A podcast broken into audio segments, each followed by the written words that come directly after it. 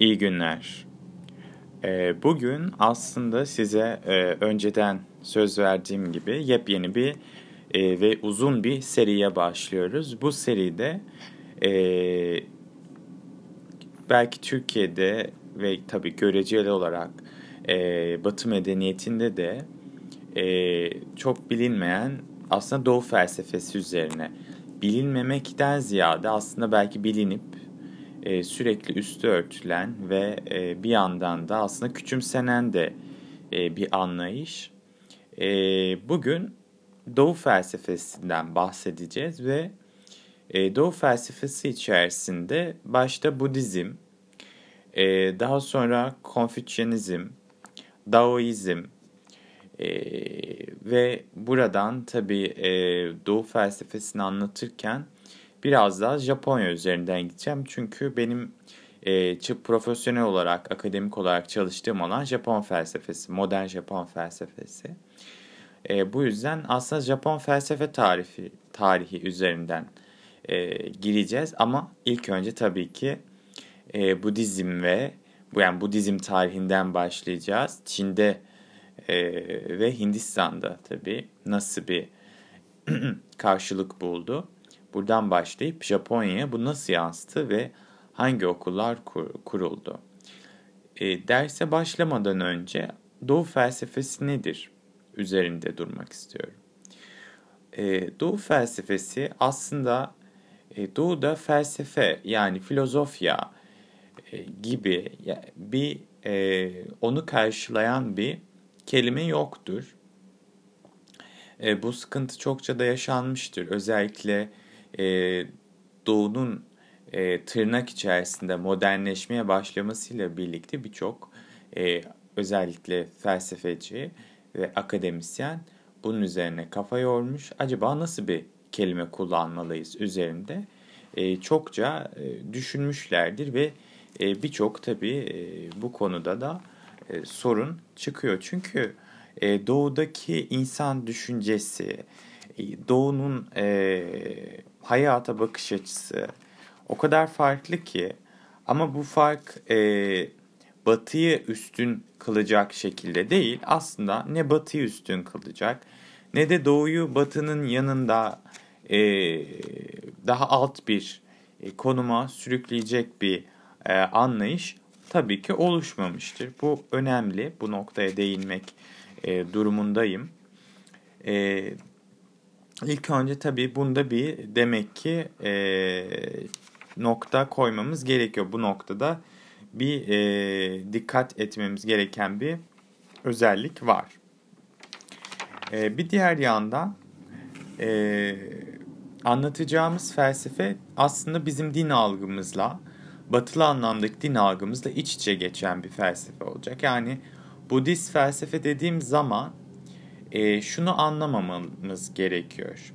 Yani burada Budizmin teolojik yönden e, bir bakış açısını bulmayacaksınız. Budizmin aslında e, bizim anlayacağımız normlarda felsefi yönlerine değineceğiz.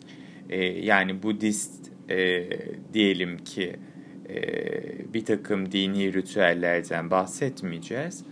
E, bunun kurucu e, düşünceleri ne? Yani Budizmin kurucu öğeleri nelerdir? Bunlardan bahsedeceğiz. Şimdi e, felsefe kavramı dedik ve din kavramı iç içedir Doğu felsefesinde. E, bu da aslında e, şöyle daha ay, e, açıklanabilir. E, birincisi Doğu'da din algısı Batı'daki din algısından çok farklı. Doğu'daki dinler aslında e, daha çok insanı yani her tüm Doğu dinlerinin temel bir amacı vardır. Bunlar insanı e, doğru, e, erdemli ve güzel bir işe yani aydınlanmaya, satori daha sonra söyleyeceğiz. Satori'ye yani aydınlanmaya, ulaştırmaya yönelik e, bir hedef belirtirler. Yani şu an dediğim gibi bir tane hedef var önümüzde.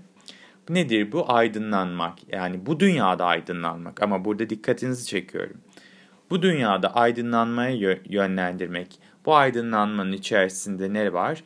Dünyayı aslında insanın kendini öldürüp yani özlüğünü öldürüp artık yeniden doğması.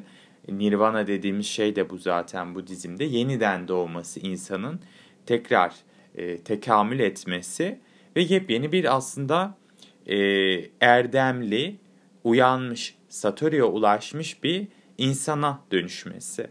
Aslında bu tanıma baktığımız zaman ben şey görüyorum yani e, felsefenin, filozofyanın çıkış tarihi neydi? İnsanı erdemli kılmak bir yönden. Yani felsefenin temel amacı aslında insanı uyandırmak değil mi?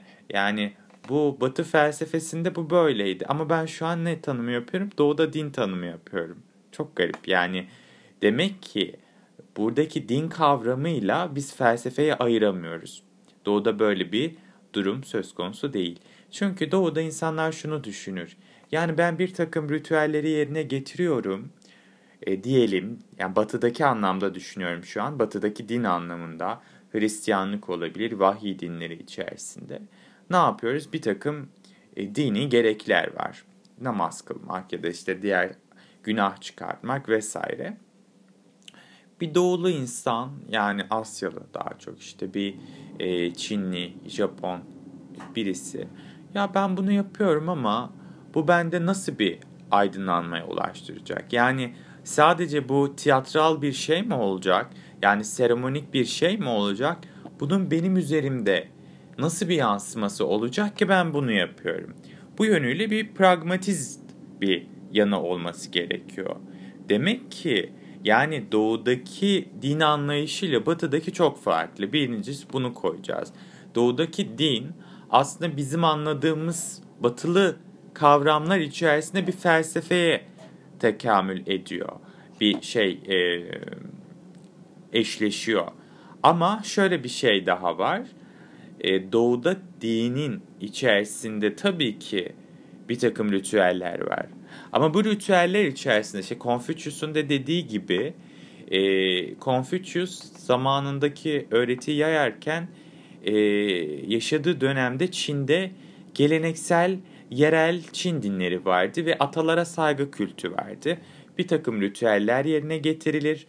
E, özellikle bu ne olabilir? İşte e, annesi ya da babası ölen bir kızın e, sürekli yıl dönümlerinde, ölüm yıllarında gidip e, mezarları başında bazı adaklar adaması, e, işte yiyecekler vesaire koyması, yaz tutması vesaire. Bunlar vardı. Ama doğuda bu insanlar bunu e, cennete gitmek için yapmıyor. Aslında doğuda hiçbir dinde e, vaat edilen işte bu diğer dünya miti çok bulunmaz. E, insanı hep bu dünyada yetiştirmeye çalışır. Nirvana dediğim şeye. İşte bu verdiğim örnekte de bu insanın gidip e, babasının ya da annesinin ölüm yıl dönümünde mezarları başında o ritüelleri yerine getirmesinin amacı e, aslında e, hem özbenliğini e, dönüştürmek amacıyla ritüelin buradaki görevi hem de e, toplumda aslında e, atalara saygıyı diğer yönüyle yani insanların e, erdemli olması yönünde demek ki bir geçmişi unutmama, e, aileyi unutmama gibi değerleri de aslında aşılayan bir görüş. Bu yönüyle de toplumsal bir yönü de çok e, büyük bir şey adlediyor. Yani demek ki burada aslında e, birçok kez suçlanan bu spiritüalizm yani e, mistisizm yani ruhanilik işte bu doğu felsefesi e, nedir? Mistisizmdir. Bundan bir şey çıkmaz. Batılı tabirle söylüyorum. Genelde bu suçlama getirilmiştir. Bunu yapanlar da e, günümüzde de hala devam etmekte. Doğu felsefesini okuma e, ne diyelim zahmetine girmemiş insanların söylediği şeyler. Bunların e, aslında realde bir karşılığı olmadığını okuduğumuzda anlıyoruz ve Heidegger bile öldüğünde bu kendi yazısı, kendi dile getirdiği bir şey. Bu yazılı olarak da mevcut. E, hayatının sonlarına doğru e, özellikle e, Doğu felsefesiyle tanışmaya başlayınca diyor ki keşke e, bu kadar şey yazmak yerine bir e, Budist rahibi olsaydım. Tam hatırlamıyorum. Zen rahibi olsaydım da demiş olabilir. E, çünkü fark ediyor ki aslında anlattığı birçok şey biz e, bu podcast serimizde de konuşacağız. E, birçok şeyin aslında e, çok çok önceden işte Dogen'de Japonya'da bir zen e, ustası e, ya da günümüzdeki birçok e, eserde zen Budizmine ait ya da birçok Budist tarikata ait eserlerde e, görüyoruz. Demek ki bunun felsefi çözümlemeleri yapılmış. Bu birinci nokta. İkinci nokta e, mesela e, doğuda bir yol kavramı var. Bu çok önemli. Yani yol doğu için çok önemli bir şey dedik. Temel amacı var dedik buraya kadar. Neydi? Uyanışa götürmek, Satori'ye götürmekti. Nirvana işte farklı e, öğretilerde, farklı yollarda, farklı isimlerle anılıyor bu uyanış. İnsanı erdemli kılmak, insanı bu hayatta iyiye götürmek amacıylaydı bu. Bu hayatta iyiye götürmek. Altını tekrar çiziyorum. Ve bu işte batıdaki felsefeyle özdeşleşen bir şey. Doğudaysa bunun felsefe ya da din diye bir karşılığı yok. Yol var. Yani ben hem felsefe için hem din için yol kavramını kullanacağım doğuda. Bunun da teknik artık ifade edelim girdiğimize göre do kavramı Çince karakterden geliyor. E, do yol demek. E, Japoncası michi. E, işte ne vardı? E, bunun içerisinde Daoizm var. Aslında Daoizm e, yolculuk demektir. Yani yola inanmak, yolun gereklerini yerine getirmek demektir. Daoizm aslında tüm yolları kabul edebilir. Bundan tekrar Daoizm'den bahsederken e, gireceğiz. E, diğer yandan mesela Shinto var. Shinto, e, Shin tanrı demek. Japon e, Japonca'da kami aslında ama e, Çince'den geldiği için Shinto ismi. Daha doğrusu e, Çinliler Japonların inanışını Shinto olarak adletmişlerdi. Shin tanrı demek, to do ya da yol demek. Yani tanrıların yolu anlamına geliyor. Ya da Butsudo var. Butsu e, aslında Budizmi e, niteliyor. Do yine Budistlerin yolu demek. E, bunun yanında işte Konfüçyüs'ün bir yolu var. Şimdi bunların ortak amacı ne? Yani farklı farklı yollar olsa da e, ortak amaçları insanı e, uyanışa, satori'ye götürmek olacaktır. Bu yönden aslında felsefi akımlar gibi batıda e, doğu dinleri de e, ya da doğudaki yollar da insanı e, farklı yolları izleyerek belki ama hepsinin temel e, savı nedir? Ben e, insanı o uyanışa, o enlightenment'a daha e, batılı bir kelimeyle o nirvana'ya, o yeniden doğuma götüreceğim kaygısı gütmektedirler. Ve bu yol kavramı e, sıkça bizim de bahsedeceğimiz bir kavram olacak. Bunun üzerinde e, durmakta yarar var. Şimdi e, bu derste bir şey bu podcast'te e, daha konuya girmeyeceğim. Sadece konunun ana hatlarını e, çiziyorum. E, peki bu derste nelerden e, bahsedeceğiz? İlk önce e, Japonya üzerinden bunları anlatacağız tabii ki. Benim uzmanlık alanım oldu, bu olduğu için Japon felsefesi. İlk önce Budist felsefeden bahsedeceğiz. Nasıl girdi? Yani Budist felsefe nerede doğdu ve nerede e, başladı? Bunlardan e, bahsedeceğiz. Nasıl yayıldı daha sonra? E, bunlar üzerinde bahsedeceğiz ve Budist felsefenin Japonya'daki farklı okullarından, ekollerinden bahsedeceğiz. İlk bir e, kısaca onlardan bahsedeceğiz temel noktalarından. Sonra ayrıntılı olarak e, bahsedeceğiz bunlardan teker teker. E, ve Budizmin iki ayrı kolu var. Mahayanist, e, okullar ve Hinayanist okullar olmak üzere bunlardan bahsedeceğiz. İki temel ayrıştığı nokta. iki farklı e, yani mezhep de diyebiliriz.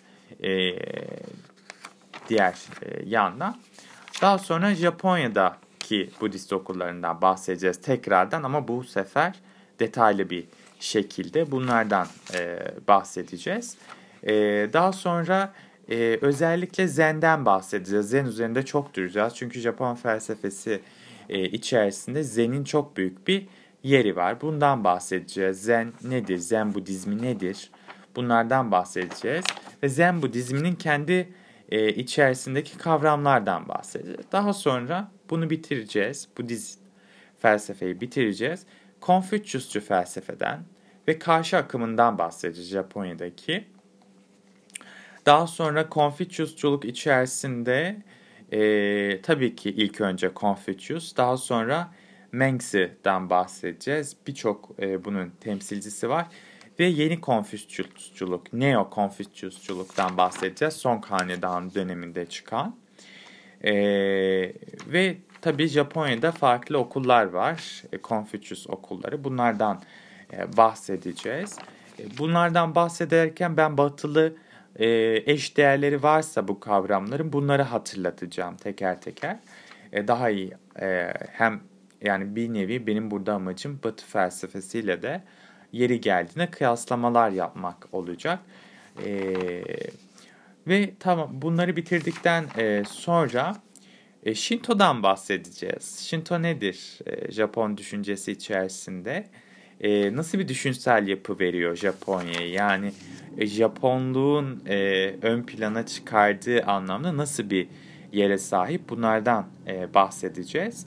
E, ve tabii daha sonra bunları bitirdikten e, sonra e, artık Japon felsefesinin modern zamanlarına geleceğiz. Bu çok önemli tabii. Ee, özellikle bunlardan da e, işte Japon felsefesi içerisindeki pozitiviz akımlardan, idealist akımlardan bahsedeceğiz. Tek tek isimler olacak. İşte Ino Tetsujiro gibi, e, Enryo Inoue gibi, e, bunun yanında Onishi Hajime gibi.